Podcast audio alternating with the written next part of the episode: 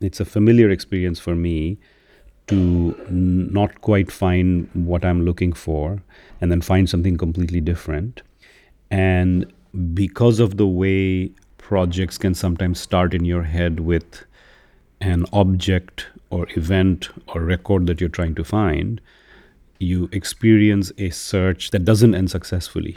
But when you don't find what you're looking for, that's actually productive. And I've talked about that. I've talked about a missing film I've been trying to find for many years and I've never found it. And now I'm convinced that the film doesn't exist, that it was a fable told by my elders, which I also wanted to believe because it's such a beautiful story. A filmmaker who's passed away and his unmade film is sitting somewhere in an archive waiting for me to discover it. Well, maybe it doesn't exist. But while I'm searching for it, I find other things, or maybe the search is its own process that gives me motivation. I don't know what I would do if I found the great missing object that I talk about.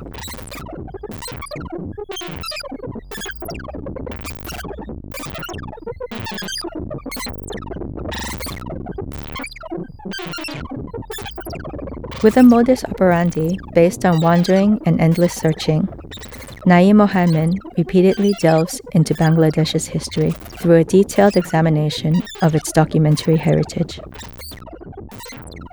His films meticulously analyze the ways in which historical events are filtered and stored in national audiovisual archives, and reveal that the borders of those archives contain significant geopolitical narratives in a latent state.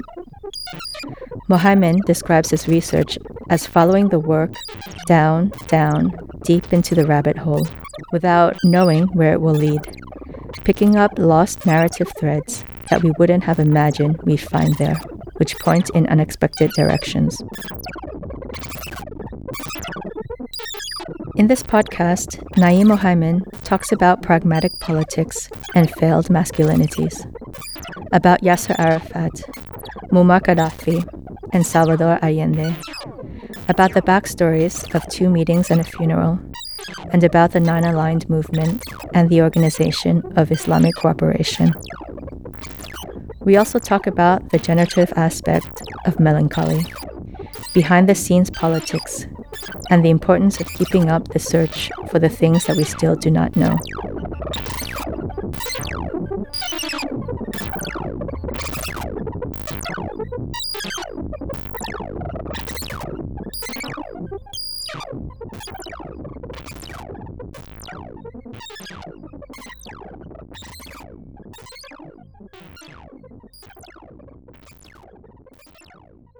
Two meetings and a funeral. Serendipity and real politics happening behind the scenes. the way back story of how the project came about is interesting. So, you know, I'm in the final months of a graduate program in anthropology. I was actually doing my field work, and my research was very much interview based, and I would interview anyone I could find. And in the middle of this was this story of uh, Amirul Islam, who one day over lunch, we're talking about something else actually. I went to interview him. I was trying to figure out the foundational leaders of the early decade of Bangladesh, the first decade. You know, how much of left affiliation did they have? And if so, what kind of left affiliation? So, not really, not in the way that came out in the interview, um, even though I was asking him those questions of what are the books that you read, what were other countries you looked at as models of national liberation. And in the middle of this, he tells his story of organizing the delegation to go to Algeria in advance. Um, he's in the footage. You see him, very handsome man with a beard. He stands up. I think he's wearing a blue suit. And in the middle, he tells this story of, well, I organized Algeria, and then when it came time for Pakistan, I didn't want this to happen. And so I did all I could, which is I made sure I wasn't available to go. So I think he organized, he made sure that he was overseas somehow. And it was this sort of strange detail of, wait, what is this Pakistan conference that you didn't go to and why? And then, you know, the story kind of ends there. I mean, it, it really ends with, he said, you don't say no to the leader. So I made sure I just wasn't there. And that's kind of where the story ends. But the story stayed with me. And then when the proposal came from Documenta, because also I think the other thing that spurred it was that was split between two cities. And that was the concept from the very beginning. And you were asked to respond to the two cities. And quite naturally, it triggered in my head this story. And I thought, oh, you know, I had heard about these two meetings. Let me go look into it, right? And then, you know, you propose it, it goes somewhere else, you go to Algeria, and you go down the Algeria path, and that ends up being the um, center of the film. And Pakistan very much, Pakistan is talked about, but it fades in terms of being in the film. The other thing that's interesting, I've experienced this also with uh, an earlier film, United Red Army, the Pakistan footage that does exist, which is towards the end, it's in black and white. It's footage of people coming, meeting, sitting down, Bangladesh getting recognized by Pakistan, and then Boumediene speaks, and Boumediene is the only one who speaks. And the reason is because the Pakistan footage actually came from the Algerian TV archives. So it's not really the record of the Pakistan meeting. It's actually the record of the Algerian participation in the Pakistan meeting, which is why it's only Boumediene and nobody else. And if you want to contrast with the Algeria conference, where they have hour upon hour, 30, 40 hours of footage, Pakistan, they had maybe five minutes. I mean, I acquired all that they had, and it was very precious footage that's all over in three, four minutes. So you get an extremely, in that version, Boumediene is the star of the Pakistan conference because that's all they recorded. And I experienced that with United Red Army, an earlier film, because there, the footage of an event at Dhaka airport exists because it's a Japanese plane that was hijacked. So it's actually focused on the Japanese hostages. And so the largest amount of footage that Japanese television had was of the return of the hostages to Japan where they're interviewing them, you know. So if you look at that you feel that this is an event that involves almost only the Japanese hostages. So that's I think in a in a sort of indirect way I became interested in international linkages very early because that's actually how I could find footage about Bangladesh I could find it in another country's archive. I've also been always interested in that of how one country appears in another country's archive. Many things are not digitized, many things are not database tagged, but if you did use a database search process, you'd find these sudden blips. And the blips are always related to this kind of event, and then it stops again, right? So for a certain generation, certain things jump out, and that's the one thing they know. And I'm not, you know, this is not some lament about how under recorded the country is because it's actually quite heavily recorded considering its size and age. But the way I find material about it, this is familiar to me of finding it on the edge of another archive. And then it's also familiar to me to find it at the edge of another archive and then find that archive to be of interest. There were all these um, moments of accidental discovery and one moment does make it into the film, which is that um, uh, the portion where the speaker says, you know, he starts speaking in a normal way, distinguished delegates, uh, ladies and gentlemen. You know, he takes a long time to even start saying what he's really going to say. And then he says, you know, we're sorry that President Salvador Allende cannot be here. We know he is encircled by international capitalists and monopolists, etc. And, you know, it's not it's not something you're waiting for or looking for. And in that moment, you think, wait, why is he mentioning Salvador Allende? And that's the first time, actually, surprising, maybe there are lots of gaps in my research process. That's the first time that I actually looked up the date of the conference and realized that the conference ended two days before September 11th, September 11th, 1973, which is the day that Allende is killed, which in the film is called the other 9 11 it's really quite an accidental discovery process where it's not something I was looking for, and then suddenly I find it, and then I think, wait, what is he talking about? Then you go down this rabbit hole of suddenly you're digging deep into Allende and figuring out what is Allende's role inside the non-aligned movement, if he ever had one, what is Chile's position. You know, after you've heard of Allende, then you suddenly start zooming in on the Chilean delegation and trying to see what they're saying and trying to get a sense if the Chilean delegation is specifically talking about trouble at home. And in a way, he doesn't because he's also reading from a very long prepared speech, which goes on for almost 45, 50 minutes. So, one of the things that's happening is there's the official record, which is usually actually quite it can be quite rigid actually because um, the speeches are prepared. Um, they are vetted by governments back home, and you're not really going to be extempo. In fact, the only person who is truly extempo, as far as I could tell, is Rajaratnam, who decides to just give extempo remarks, and he was a great speaker, so he could also deliver beautiful off the cuff remarks. So, part of what was also continuously happening in this project is you know you have a relatively simple outline of what you're looking at you're looking at two meetings that happen one after the other one in 73 one in 74 algeria pakistan two different movements non-aligned movement and the organization of islamic cooperation. There's this strange uh, situation going on where organization of islamic cooperation is not really cooperating but slightly at an angle to non-aligned movement. And if organization of islamic cooperation becomes larger the non-aligned movement actually does become smaller because you know these are competing tendencies. And i had a relatively simple outline on paper of what i was looking at. The contrast between these two meetings how it came to be that countries could navigate both what are the contradictions you know i felt that organization of islamic cooperation or oic was sort of almost a way to take away the decolonizing energies of non-aligned movement or NAM. Uh, because if you're talking about solidarity along Islamic lines, you're not necessarily automatically talking also about independence from, for example, monarchies, right? Uh, which the Islamic world, of course, still continues to have. So it's a very simple outline on paper, and then you go into the archive and you go down this. The, the word rabbit hole, which I used before, is quite appropriate where you keep going down, down, down, down, down, and you don't know where it's going to lead, and it leads you to somewhere else, where suddenly you're in the middle of the Allende coup, inside this very quite staid meeting, right? I mean, it's not a meeting where a lot of exciting things are happening physically. About the only time that you see people getting a little exuberant is when Arafat comes on stage because it's 73, it's after the 73 war. You know, the PLO is temporarily defeated, but also at the same time newly energized, perhaps newly funded um, by Arab countries that want to support it. And certainly Arafat has taken on even more the figure of the uh, revolutionary guerrilla. And only when Arafat comes on stage does everybody sort of break out.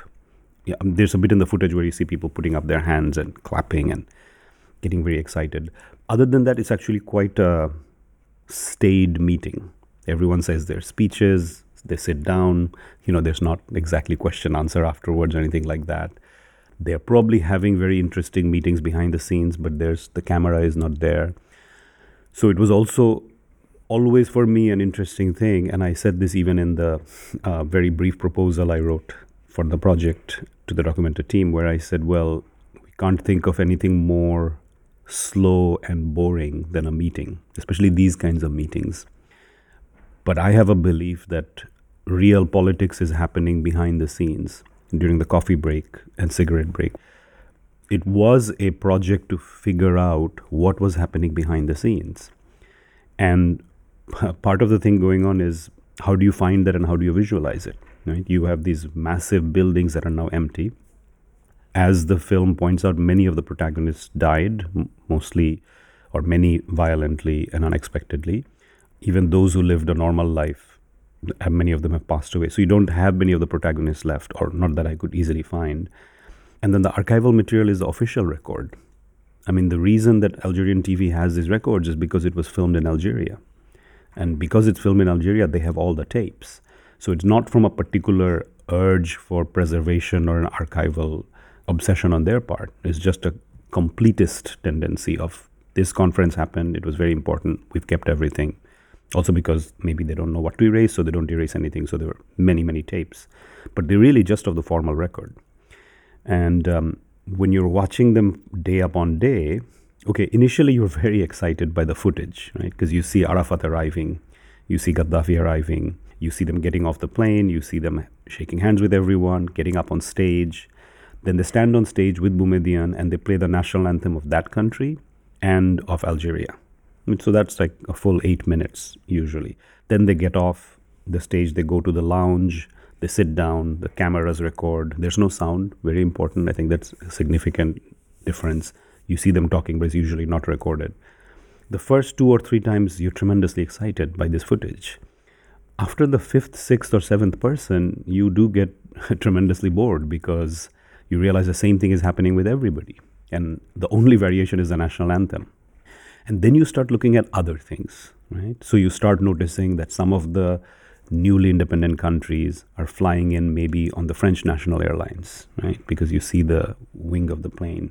And because there isn't anything else to see, not really in terms of variation, you start you start sort of obsessing about that of okay, so clearly certain countries after becoming independent have managed to by 73 have their own national airlines. But the majority haven't. So, which countries' airlines do they choose to fly to arrive? That's a certain kind of politics, especially where people are talking about independence and decolonization. You know, and you have Rajaratnam talking about the technology being um, German and how the technicians are all European at this decolonizing conference. You know, it's significant because he's from Singapore and he's talking about controlling the means of production, which in his mind is technology, which in 73 nobody in 73 nobody's really looking at the technology and thinking this is going to be the future. You know i need to train up a generation to know television technology. I mean there is there is a tendency towards um, science and technology education but maybe not maybe not this technology as much. So what i'm what i'm trying to say i suppose in a circular way is that i had a very vague outline of what i hoped to find i deliberately didn't make really detailed outline because I found that never works. And then what I found was also very different. I, we went with the team, then the team left after we finished filming, mainly in Algeria. Then I'm sitting in the archives, and then I find this thing in the archive, and the entire film changes. I mean, the entire film changes after I find Rajaratnam. And I don't find Rajaratnam until day four or five. And I don't know who he is. I'd never, I mean, I knew it was a Singapore delegation, but I'd never heard of him. And then I send a photograph to my friend in Singapore and he goes, Oh, where did you find this? Right? And I say, Oh, I'm sitting in the Algerian television archives. And then this person says, Oh, he was a very interesting person. Did you know that? Dot, dot, dot. It's one of the things you can never really share fully with the audience, which is this experience of archival obsession. Uh, but if you did try to share that, then durationally, that wouldn't be something that most people would go along with you. You know, they would give up after maybe hour four.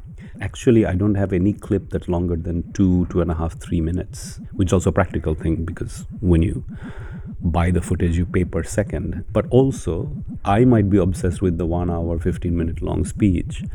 I don't necessarily think that obsession is shared by everyone.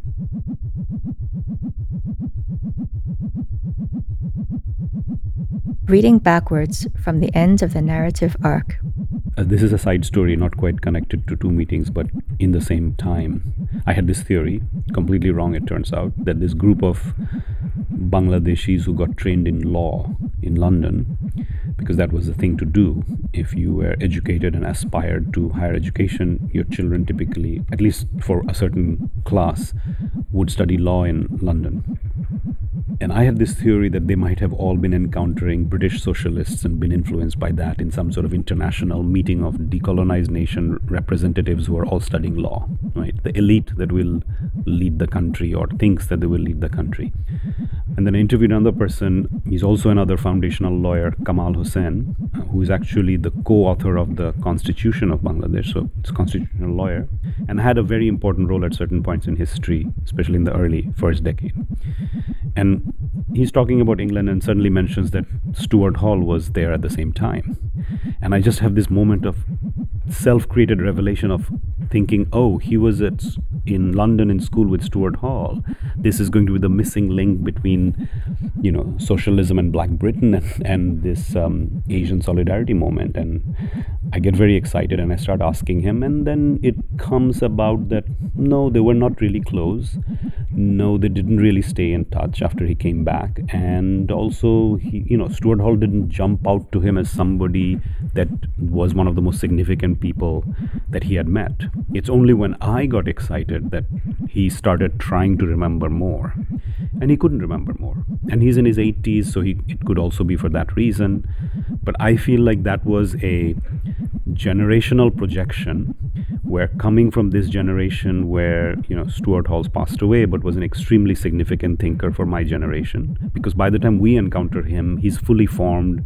You know his television program has happened his publications have come out people have started writing about him. Then he passes away then there's a series of posthumous works. So we experience Stuart Hall as a fully formed legacy of work a legacy that's also stopped right because of his passage. And I'm projecting that backwards and thinking in the 50s and 60s you met young Stuart Hall when he was just starting out. Maybe you were there at the start of New Left Review, but it didn't have that same significance for him. Stuart Hall was another student there. He just happened to remember the name. Maybe it had been mentioned to him later as a significant person, but in 1962 or whenever he was in England, that was not the same person. And this is also a familiar thing in research where you're projecting backwards the significance because you see the full arc and you're at the end of the arc and you want to take all that significance and project it backwards into the early days and maybe at that moment it didn't have that same significance. I just found uh, the other day completely by accident looking at something else a review that edward said did of levi strauss in I think 67 and you know first time reading it I think huh interesting Said is uh, reviewing Savage Mind. And then oh it's a really long review. It goes on for four pages. And you're thinking oh somebody let him write such a long review that's great and it's a brilliant review and then you look at the year 67 and you realize it's I don't know at least a decade before Orientalism so now you're backward reading that review thinking ah so this must have been where the germ of that book the nucleus came from here I mean, you're reading all the significance because you're at the end and projecting backwards. And I think going through the archive has always been that. I am more excited by an object than the excitement that object might have conveyed at that time, which maybe was part of the point with Rajaratnam. I was tremendously intrigued by his speech because all that he was saying at the time came to pass. He talked about overpopulation, and he talked about overpopulation being a particular problem highly concentrated in the third world. And he said these speeches won't do anything for those people. What are we doing for those people? He didn't say oil will run out, but he said we don't all, all have oil. For those of us who don't, we need to trade with each other. In 73, nobody else was saying that. He said we all agree we're against colonialism, but what will we build after colonialism? He said our reason for being is the superpower rivalry and us being a third way. The other point of the triangle, say. When that rivalry goes away, then what is our do we exist still? Or if two points of the triangle go away do we disappear as well? He was saying i think in 73 that these two powers are going to now become allies. He did not predict or see in 73 that the soviet union would collapse. Uh, nobody saw that coming in the 70s I think at the time when he gave his speech, besides the fact that it's day five, as I mentioned, when people are tired, besides the fact that it's Singapore, not Palestine, not Vietnam, not any of the symbolic countries, not a large country, and not an economic powerhouse yet in 73, people weren't really paying attention. People's headphones were off. I was listening to the speech and sort of sitting up and then even gasping because some of the things he said seemed so prescient because I saw what came afterwards. So when he talks about technology, okay, that's really familiar, um, including in the context of the production of the visual arts, where you go somewhere and it's a local situation, but the technical expertise is from somewhere else. And certainly in the visual arts context, we have familiarity with the situation where there might be an opening or a project for which there's an arrival of expertise. But when the project is over, the expertise leaves. And the local situation is still without that knowledge, right? I mean, I'm talking in the context of the contemporary production and distribution and exhibition of culture. He was talking about simply the recording of a conference. But what he was probably referring to is that the cameras broke down and he maybe sat there and watched while German technicians came in and fixed it. And maybe those German technicians had to be flown in, you know, because he makes a reference that we're just sitting there for a whole day. Now, if you look at what Singapore did later, tiny country, major focus on the knowledge economy, major focus on technology. So, sitting in 2017 to hear Singapore say we don't control the, the means of production, i.e., technology in this case, it is a different electricity for me because I'm thinking of all that came afterwards, and I'm thinking that this country, this man maybe even, walked out of that conference and said, This is not going to work. We're going to come back in 75 and give these same speeches. Palestine will not have been free. It will be convenient to keep talking about Palestine because, of course, Palestine should be free, but meanwhile, it allows you not to talk about your own internal situation. He maybe even saw that people were using this cause in a way to not talk about their own lack of internal democracy as well. Right? People who talk about one thing, not the other. And he also understood that this massive organization is too large to function. There are too many contradictions. There are military dictators inside the organization. There's not really a focus on economics beyond saying the word. And I think he came back and said, no, we need to do something else. And it might be that the whole Singapore focus on Asia as a zone, ASEAN as a zone of that may have come from that. Now, I wasn't thinking of figuring out Singapore. It wasn't even part of the conversation about non alignment. In non alignment, usually the countries that come up are Yugoslavia, India, Egypt, etc. But you look at this and you suddenly go, so what were happening with these people who were not heard? You know, I think it came out of that conference is we need to focus somewhere else, and other people didn't. You know, Bangladesh came out of that conference in 73 actually getting deeper into the, you know, Islamic Brotherhood fold. You know, they went in as a socialist country, and when they went in, the country's biggest reception was from Libya and Saudi Arabia. So when I was in Algeria and I'm in the conference site, there's water in front of it, and someone was pointing out these old villa structures, and the guide or the interpreter said, "Oh, these were the villas they had in '73," and then he pointed at one and said that was Gaddafi's villa. You can see it was really nice. And then the Bangladesh delegation talks about having a private meeting with Gaddafi. Right? So you're not having private meetings with everybody. You have a private meeting with Gaddafi. Gaddafi says, you know, you're our Muslim brothers. You know, please, you know, send your workers. We need knowledge workers. And uh, my father ends up being a doctor who's sent there along with this group to set up a hospital. So because I have that personal experience of living in Libya for four and a half years, and I've never fully understood why we were there, except that my father was part of this group that was sent to build a hospital by the government. By the way, this is a government to government exchange, so it's not exactly voluntary. The Bangladesh government says we're choosing 30 doctors, we're choosing two of each specialty, so two surgeons. My father is a surgeon, two anesthesiologists, etc., etc. I'm not saying that talking about Libya becomes a way to understand my biography. My family history connected to Libya just becomes a way to know that the Libya connection was deep very early, which I would also know from the historical records. But you realize that you went in saying socialism, non alignment. It was all about finding a way outside of the Soviet Union. You come out of it in the Islamic fold, the country bloc, and you come to 74 part of this Muslim Ummah. You know, whatever that might mean, but it's certainly a solidarity bloc. This was not what I went in looking for. And it's more like a stray remark. Somebody says that's Gaddafi's villa. The lawyer says, oh, yeah, Gaddafi came and gave us prayer beads, or a story like that. You see photographs with Gaddafi. You hear the speech, and you realize he's sort of the, he's one of the rising stars of that conference. Um, there's this great bit, which is not in the film. Uh, he says something, he, he has some humor. He, he says something funny, and then he pauses and he said, You should clap now. this is the part for you to clap. And then everybody claps, and you go, Oh, you sort of, you know, he had this arrogant swagger because he it's a newer country. You know, he was young. They were also all, by the way, non alignment, solidarity, whatever you want to say, they were all also vying to be the leader. Right? Arafat is some kind of leader, but he's a leader without a country. Gaddafi is trying to be a leader. Sadat was trying to be a leader but couldn't be because he didn't have Nasser's um, charisma necessarily or the same following. Castro is obviously the default, but everybody is trying to become the next. You know, even your speech becomes a rehearsal for that. So you see all that. But when I say see all that, you don't really see it, right?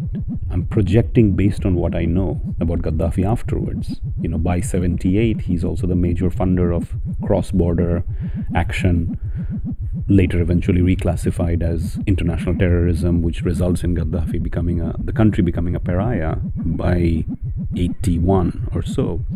So you also know what's going to come afterwards. So very much that record was very much about you look at this all these images and you think this will not come to pass, but something else will. You look at Arafat and you think he will continue giving those speeches, but the audiences will get smaller and smaller, and alliances will shift. You know, Lebanon will push him out, Jordan will already that was happening will withdraw patronage. Countries will become independent from you know the Portuguese colonies all become independent within almost a year, and then afterward the energy will go away. It's been said that our generation lives the aftermath of the period, and we live in the aftermath as the ruins of the promise. But you're watching the footage of the promise, and it does bring to my mind the idea that this could have gone somewhere else. And then you think to yourself, how? And then you try to find the figure there where you feel like, oh, this is the person who was not followed. You know, so you you know, including you look at Boumediene and you think, hmm, what would have happened if you had survived? You know, if you hadn't died suddenly. Perhaps could have been continued to be an autocratic leader or something like that, but you don't know, right? Although it's somewhat preordained, perhaps. So it's a lot of what ifs, which is um, it's a common mode of thinking through histories sometimes that if only this path but it also sometimes feels like a luxury right? Because you know you're talking about the other path of history that was not taken but that will never be. These protagonists have all passed away that moment is gone. But the what if maybe becomes a way of thinking finding something hopeful from within that wreckage uh, because it was that moment surely was destroyed from outside and collapsed from within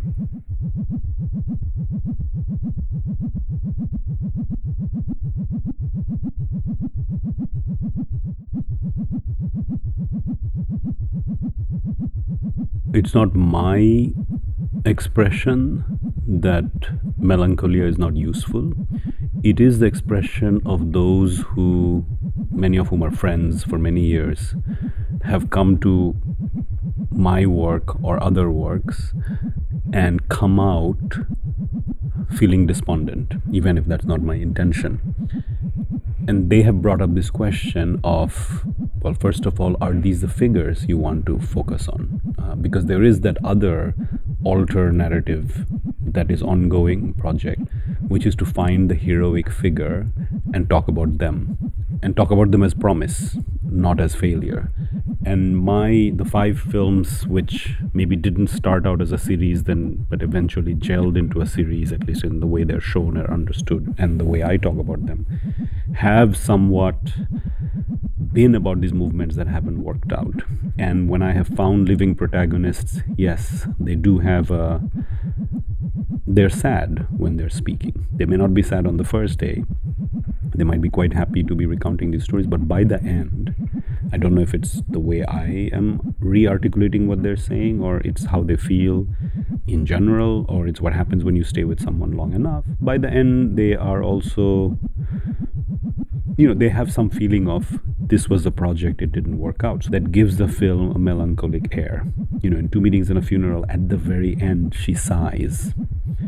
And then vijay prashad claps his and that's the end the, the scene cuts and you know it's a choice to cut after and not before the sigh she stopped moving i could have cut there and gone to black you know i kept the sigh because it just felt it felt like that's where she was at the end of multiple days of speaking.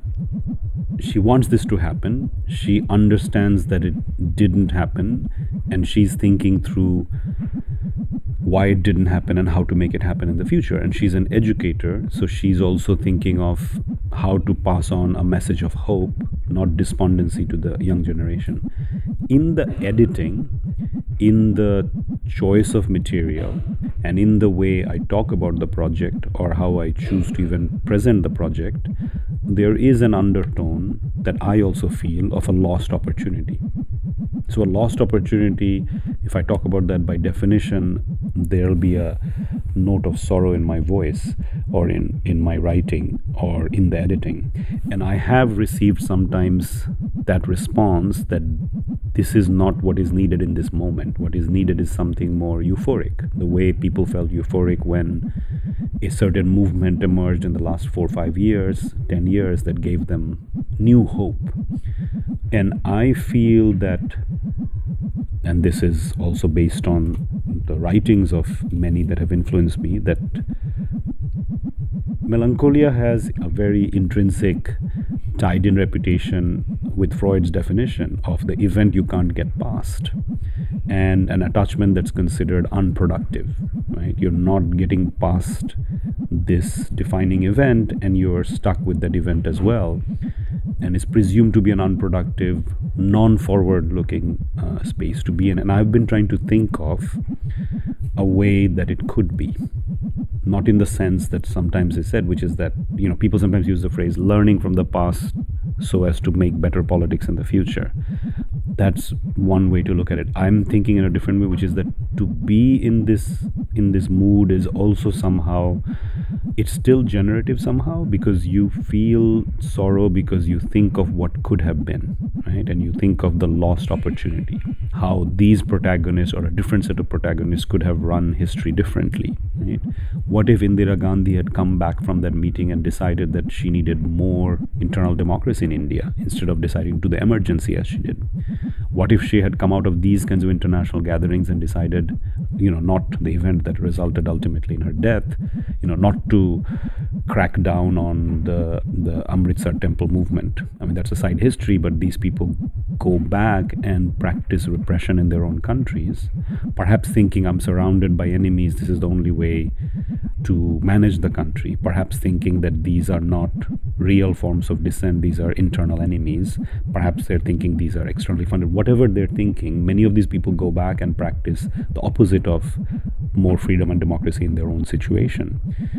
And seeing that fills you with sadness right? because the gap between the lofty rhetoric and the action is so wide, and by people who profess loyalty to those ideas. But at the same time, I don't know, I, I, I can't come up with a way to articulate it, but somehow being in this mode is somehow still generative because you don't feel that level of sorrow unless it was a really a really good possibility. I don't mean non-alignment per se because it was a deeply flawed idea in terms of how it was framed but the idea of international transnational cross-border solidarity and finding a way to be in solidarity right? I mean in a way 74 it's easier to build solidarity based on the idea of islamic belonging. It's a smaller subset but the alliances are already inbuilt. You don't have to convince people to be pious. They're often already within that pious politics and it becomes easier to say i am going to be with my muslim brothers. Like that's a form of politics and organizing that's very familiar. To find some sort of solidarity that isn't that was actually much more difficult, right? Part of the socialist project did expand based on this idea or reality that if you professed alliance to socialism, you also received support. The Soviet Union was a funder of international liberation movements for a time until it wasn't, right? What if you had found another way? What if you had actually found a way to have actually existing socialism through an actual alliance of countries that are focused on putting certain economic policies in order, not driven by oil money or Soviet funding. Or I mean, I'm I'm not doing justice to the topic of how it could have been, but I find being in that sorrowful mode to be somehow generative to think about that as well. I think what people respond to is that the thinking maybe is after the film. When I sit around and talk to friends, and you know, when I speak to my friends about these ideas, I'm much more directed. You know, I say this is what should have happened. I use language like this is what we should do. Not clear who the we is, but I use that kind of language in you know with friends right? Last night during the question answer that was when i was much more direct about you know somebody was talking about the danger of socialism as a concept now becoming commodified in the united states. And then we said well what do we do? Do we like this or do, what, what is the danger of popularity etc that's very directed. The films aren't directed because that's not the mode of the films. They don't usually end with an answer. People might be responding to that as well I do want to make a more cheerful film at some point in the future. And not one weighed down with trying to think through world systems because that's I mean this one is the closest maybe to trying to figure out one temporary world system. Not an in-depth view but just actually from the outside just looking at the shape of that project some of the rhetoric of the project a tiny fragment I think it would be nice to work on things that are much more micro because that kind of macro canvas can also be, that has its own burden.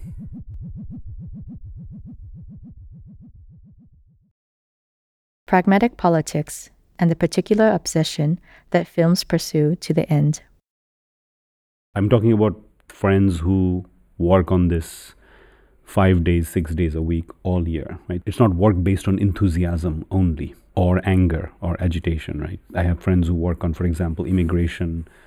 They're immigration lawyers and they work on organizing immigrants full time, right? Which of course is a is a crisis work right now. And with them, the conversation often often the conversation is about the compromises necessary to get things done. They all have a fiery intensity in pursuit of what they're working on. But they will also do pragmatic things because they're trying to reach an ever wider audience. So, for example, uh, this is related to a question that was asked last night the idea of endorsement of your cause by someone who is not part of your core demographic.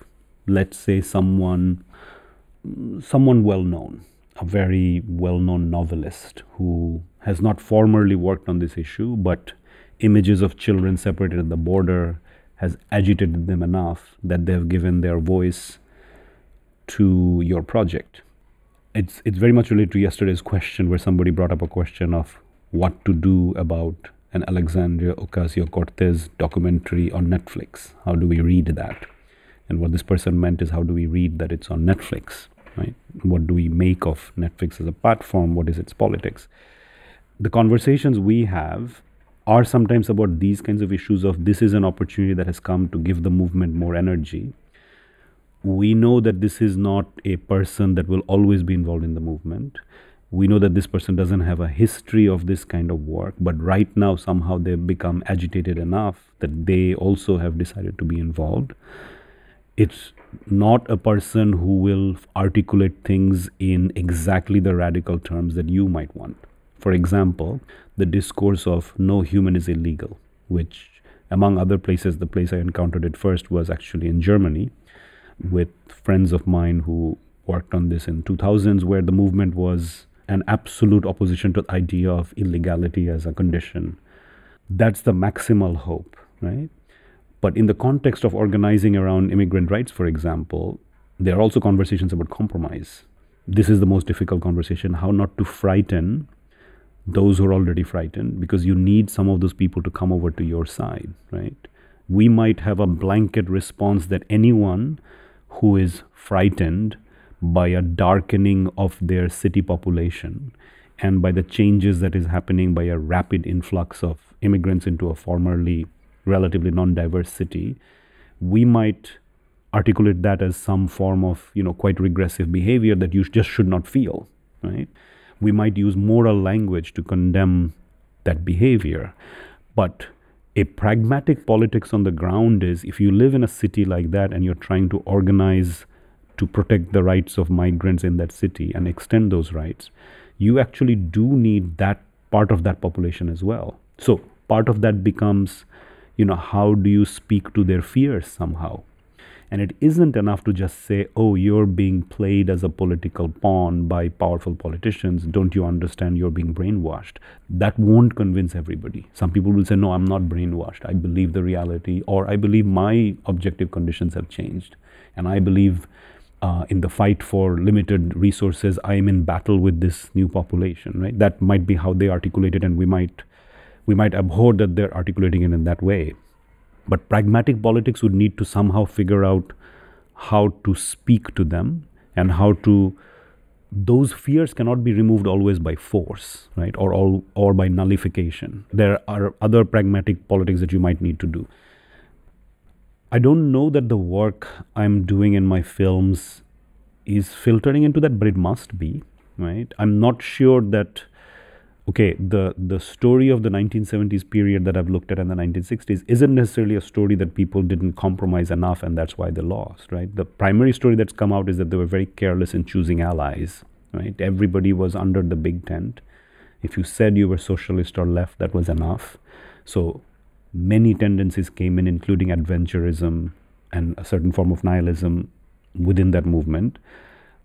You know, I can't, and I don't think you're asking this either, I can't draw a straight line from a film I've made and a story I've worked out to a current political situation right now, but it is somehow infusing, right? And I and I suppose the difference is that with my friends who are directly involved in work on a daily basis, okay, they don't they don't encounter hesitation about what impact they're having because their impact is direct and everyday, and it's also very binary.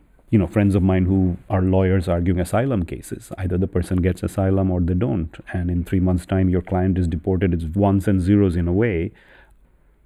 The conversations are very much about how to get something done, right?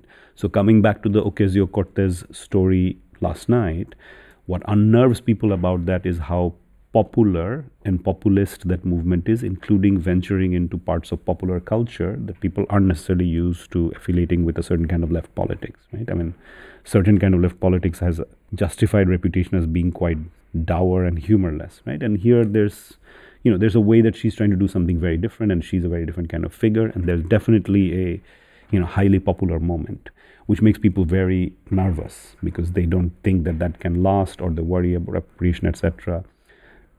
I have the personal position of being able to talk and be in within pragmatic conversations right now about what to do given limited situation, limited resources, and the need to reach out to people on the other side. And the films don't have to do that. You know, the films can be in a particular kind of obsession I don't want to say free of, but in a way, the films don't have to work through an immediate compromise that needs to be made. I mean, my most recent experience of this question of compromise and negotiation, it's a very small scale thing, but was for a moment large in the life of myself and a few others, was this um, artist coalition that we were part of called Gulf Labor which started in 2010 and then really formulated in 2011, which was around the building of the Guggenheim Abu Dhabi. And our organizing was around uh, the rights of migrant workers working on that project. You know, the rights of migrant workers in countries where they cannot get citizenship and where they're there as temporary workers or guest workers on limited visas that are attached to one company so that you always have to work with that one company. We understand that's a formula for never being able to express your grievances either, because if you lose your job, you're deported. That kind of unstable situation exists in almost all of these migrant labor situations across all these countries with varying degrees, right? In some countries, you can be a guest you were historically in parts of europe you're a guest worker and that eventually gave a path to citizenship in some cases and in some other countries you never get to citizenship it's an unstable situation everywhere it happens in this case because it's a museum we had leverage right to say we will not participate in this museum unless these conditions are met and what i experienced from 2011 to almost 2018 somewhat it's not so active right now where a series of meetings with the museum, which put us as cultural workers, broadly defined, in negotiations, which is not a typical thing that at least I haven't experienced in the last decade, really, in my work. But I think my movement organizer friends maybe have to deal with that all the time. Um, where you're with you're in a room with an opposite party who will not give you everything you want and then comes the question of whether this is symbolic politics or you're actually trying to get, you know, incrementalism has a quite negative reputation, but are you trying to get something incremental done? And there was a point in that whole eight, nine year process, and I think I can share this now because it's not so private anymore because that particular moment of decision has passed, where we had a list of demands and they had been narrowed down to about four some were very simple, you know, about your right to have your passport with you, but some were more complex, i.e., everybody pays a certain amount of money to get to that country. That's the money they pay in their home country. But the country that receives them needs to reimburse them. And then that gets stuck on the receiving end saying, well, how do we know that that person paid $1,000 to get there? and then we or the experts, the research experts saying you have to take it as granted that everybody's paying a minimum of thousand dollars because nobody gets to your country without paying. Nobody just gets on a plane and goes. The, the chain doesn't work that way. There's too much money to be made. You know what we call manpower export in Bangladesh. That's a huge business. So it doesn't happen without a transaction. And so part of the negotiation is about you have to pay $1,000 to each worker, and the other side is saying, no, how do we know they paid $1,000? Some others were about having a living wage, etc. So there were four or five demands. I can't remember the exact number. And there was a point when we were sitting there, and Gregory Sholette, or Greg Sholette, who is one of the other members, and I were talking along with others. And I think he said at some point, look, we're not going to get all five. Are there three that we can live with and declare victory? Because what does the other side want? The museum wanted us to endorse them and endorse the museum project. And I found that as a group of artists who have come together for this particular cause that has a goal in mind, we didn't have the internal structure to come to an agreement about compromise. We didn't have that practice, we didn't have the mechanism, and we didn't have the leadership structure where these three people can make the final decision. We were an extremely flat organization, every artist had an equal voice. It was actually quite beautiful in a way that people with less engagement with the region, people with more engagement, younger, older, regardless, everybody sort of had a somewhat equal voice, depending on how well they can articulate it. But you didn't have a way to get to a decision. And I think coming back to the question of movement politics, for me, that was a that was a really interesting experience because I also went into these meetings thinking, well, you know, compromise includes probably having to complementing the museum and the other side on getting a lot done, saying, We're really happy you're meeting us halfway, because the negotiation would need for the other side to come out with something, you know. And I think that's not in our usual practice in this space. We're quite used to making symbolic demands that sometimes are so large that they can't ever be met. So we don't ever have to be the people who compromise. I mean, the project itself was called The Young Man Was, past tense and it's an incomplete sentence. And I did articulate it towards the beginning of the project that it was a project about a certain kind of, I, I use the word failing and flailing masculinity, right? Failing, very clear, but flailing also meaning the act of reaching out in all directions as you're trying to stabilize yourself and doing tremendous damage. And the way I had articulated it to myself was that not only about machismo, but also about a certain kind of masculinity articulation that also saw uh, maleness as be in the form of the sort of heroic leader. And also a certain kind of articulation of maleness, which was also about these very sort of fantastically doomed actions that very much led to a certain kind of adventurism. And I felt that that entire period of the 70s is suffused with that. And then, of course, not accidentally, the movements I looked at very much had this issue as well, whether it's the Japanese Red Army or Baader Meinhof or the Bangladeshi Maoists, all had this sort of very male leadership that collapses um, and also very actively tries to suppress uh, the female leadership.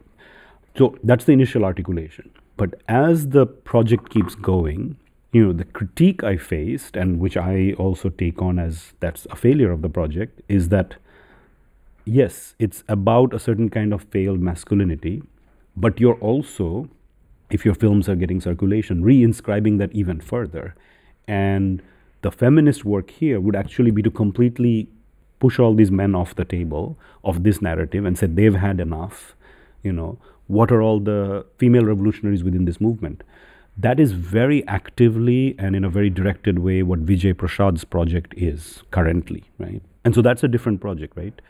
It wasn't my project. I wanted to look at the male figure within this, but the more I worked on it, the more I got stuck within this problem, right? That I was further reinscribing it. And then I also felt, and this was maybe me being obstinate about continuing down a path I started, I also felt I didn't want to suddenly change it because I felt that I needed to collapse this project that I had started. So, Amna Akbar, who is a lawyer and a friend from a long time back, when the first chapter of this project had come out, first as a series of prints, which was a project called Live True Life or Die Trying in 2009. It was two parallel walls of two political rallies. On the left wall is the Islamist rally on Friday, and on the right wall is a leftist rally on campus, same day. And it was sort of a project about how they're using the same symbols and how the articulation is the same. And it doesn't suggest they're the same, but I can see there's some sort of similarity in the projection, except the Islamist rally has many more people. And it's partially also about my fear. I'm photographing both rallies, but the size of the Islamist rally has me wondering why our rally, which I consider, why is it so small? And Amna is the first person to point out at the opening of the show, actually, during the panel discussion afterwards. Amna said, you know, the leftist rally, I would expect there to be more women there, but they don't dominate the pictures. And I remember I said at the time, look, there were women in the rallies, but they were not the dominant presence. They were small. The leaders were all men. And, and of course, I have images of the women. But what I didn't want to do is because the project was partially about being within the left and sensing, even back in 2008 9, that we're not on history's winning side. Our numbers are getting smaller and smaller. What's happening? I didn't want to articulate a vision of that rally that gave false hope which and a false binary which to me would have been of course the islamist rally was all men it came out of the mosque the mosque is anyway gender segregated in that instance it's an all male mosque anyway the left rally which comes out of the campus comes out of the art school actually is very diverse in its visual but the women were still a small presence i felt i didn't want to present a photograph that gives you this thing of like, okay, the left has the future because look how gender diverse they are. Because they weren't. The left rally wasn't also. The women were a very small presence in there. And I remember she said, no, but it's your job, it's movement work to represent only the women's presence or sizably the women's presence, no matter how small they are. Because you're not trying to do documentary, you're trying to project the future you want. And I think that's where actually the project does run into a crisis, even for me, and I think I maybe would do the project differently if I had started it again now, where I feel like, yes, I'm talking about masculinity and I'm naming masculinity as the problem, but at the same time, there's a body of work where the male figure dominates. Even a critical look at the male figure still ends up showing you men as the ones who make the mistake, right?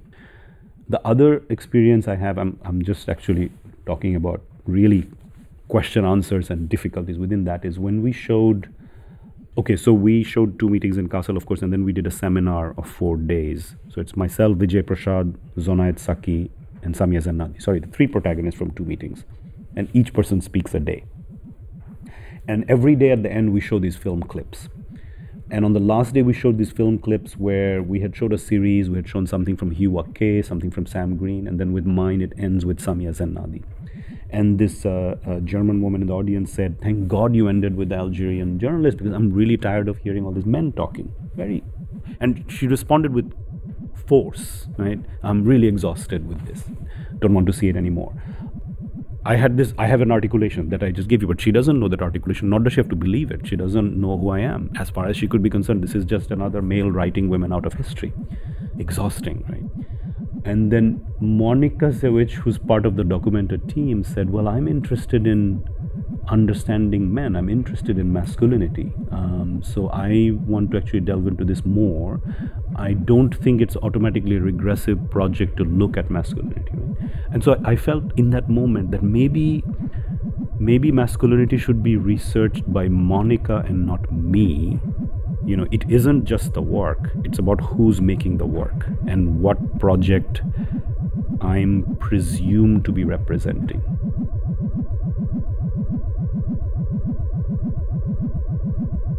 building stories together. There's a project i did i've completely forgotten now the name of it. Very tiny project like literally just a set of prints. But it was based on this poster i had found that was about the idea of model Germany, and I think it might have included the Volkswagen car somehow.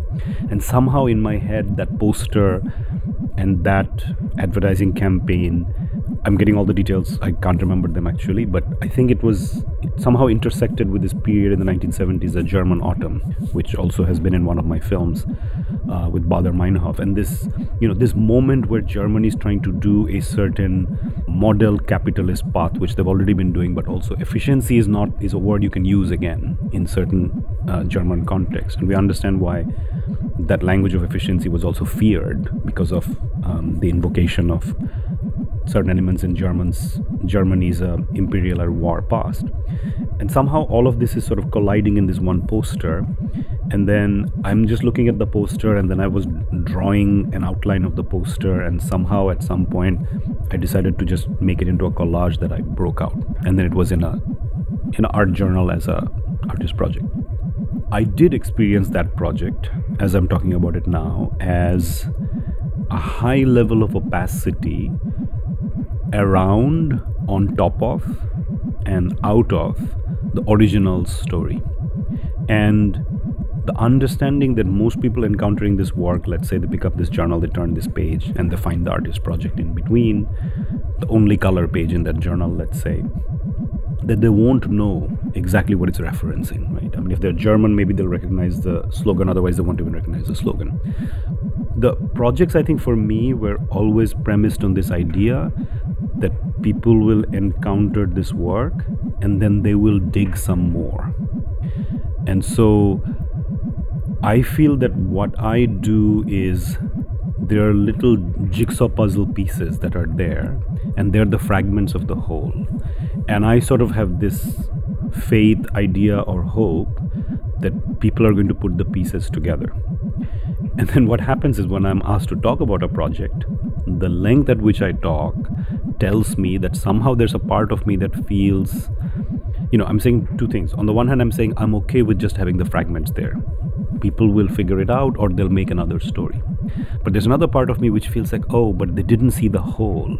And the artist talk afterwards, or the lecture afterwards, or the interview around the project becomes where all that comes out. And because I've seen repeatedly that I'm talking at length, I think, oh, so there's something here that I didn't feel fulfilled. So, a good example, more recent, is Tripoli Cancelled, which is fiction, fiction film about a man who lives in an airport. And the only bit of narration are the letters he writes every day to his wife, which he reads. You never see the letter, and perhaps he never sends it. And the letters play quite consciously uh, with time. Right? He's in different times based on what he says, because sometimes he's telling a story as if he lived within it. He meets a phantom bartender who talks about the man who left Germany in 1935 or something. So that places him in a pre war European history. At other times, he's talking about a person where, if you actually figure out who it is, it places you in the 1960s. So, among these letters that move around within time is a reference to a dinner guest who is always very cantankerous and challenging. And the narration articulates her gender, and that's where it stops. It doesn't locate her geographically or doesn't refer to her famous book. In my mind, when I wrote that script, it's very clearly about Hannah Arendt. It's an anecdote that's circulated widely, which is that once she started writing the serialized piece in The New Yorker about the trial of Adolf Eichmann, that series became a problem because she seemed to be using language that some people read as humanizing Eichmann, right? or saying that Eichmann is not the banality of evil, that he is part of a system, right? He's not by himself this unique monster. And maybe her suggestion is that this kind of system will produce people like this again. The Holocaust is not a unique event. This is not this is not the first and only moment of breakdown inside Europe, right? And there's a whole other his conversation which Arendt doesn't fully articulate, but others do, which is that of course that the history of European colonialism is in some ways the rehearsal for the Holocaust, or the violence carried out through European colonialism is then revisited onto Europe itself. So, one of the ways that the Holocaust breaks a certain European compact is that the savagery of that civilizational project, as they understood it, has now come home to Europe itself. Right? All of that is in the backdrop. In my head, things I've read, things that I've been thinking about. Somewhere in here is Hannah Arendt Somewhere in there is the story that as she started writing the New Yorker pieces, she started losing friends. people were angry with her for writing it. The New Yorker faced angry letters. Um, you know, now the book is a part of the canon, but when it first came out, it wasn't. You know, it was considered beyond the pale to have written that book in a way or written the series. None of that is in the script. I don't say her name. I thought of saying her name, and I thought this man who himself has no name, who is in an airport of an unnamed country and city. Although, if you notice the Greek lettering on the walls, you would realize perhaps that it's Ellinikon Airport, but there's no marker. And the year is unknown. So, inside me, somewhere in this process and afterwards, I'm carrying this story. And I am thinking perhaps the audience will also figure it out. But now it runs into this thing, which is the Hannah Arendt story is really familiar to me. So I think if somebody writes a letter about this kind of contour and you understand that Jerusalem is somehow involved in it, you would understand it's a letter about the book or the essays that became the book, The Banality of Evil. That's the research or that's the story I already know. None of that is expressed in the project. So I, I do have this thing where, in terms of the language I want to use or the language I find interesting or that organically arrives, I don't want to articulate out loud what it is. I want to leave it unspoken.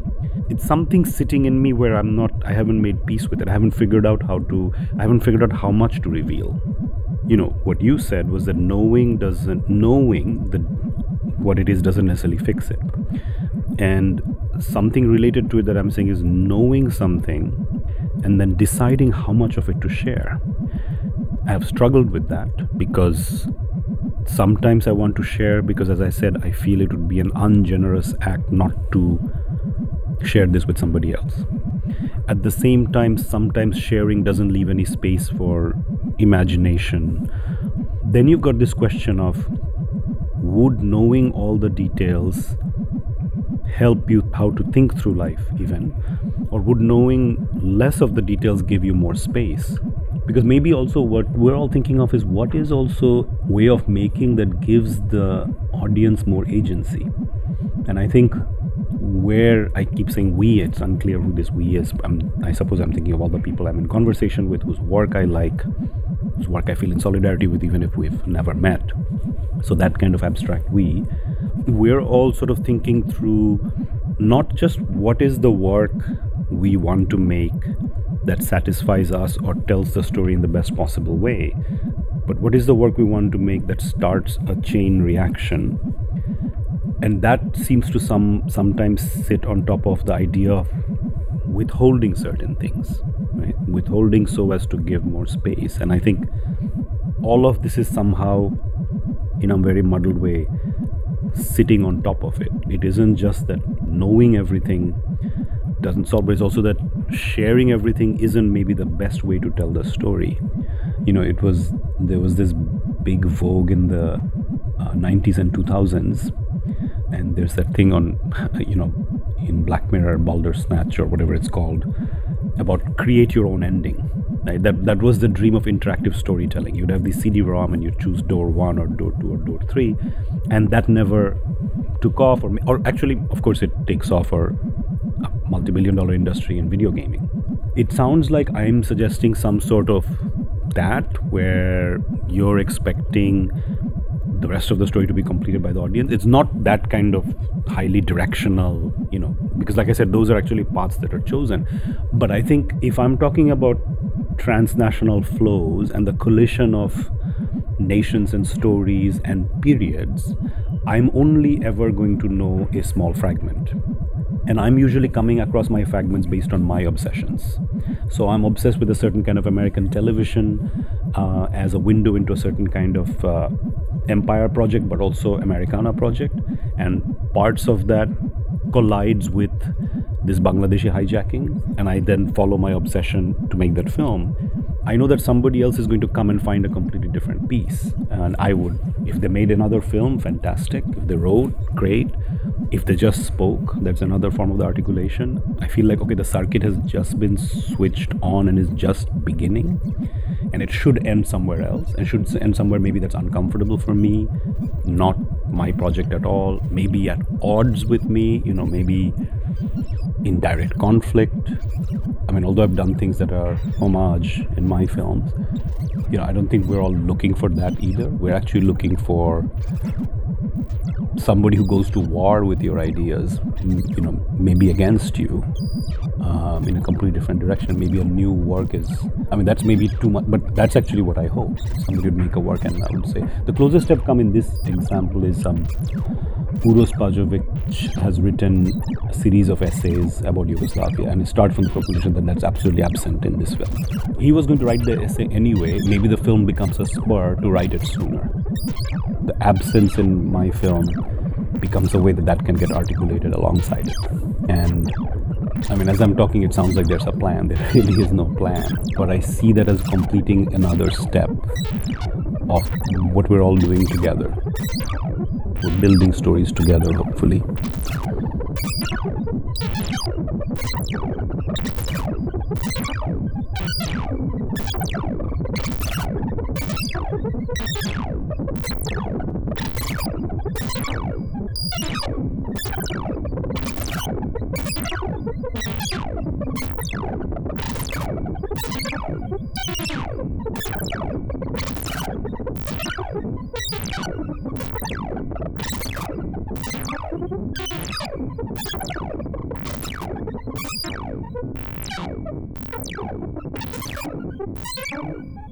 you.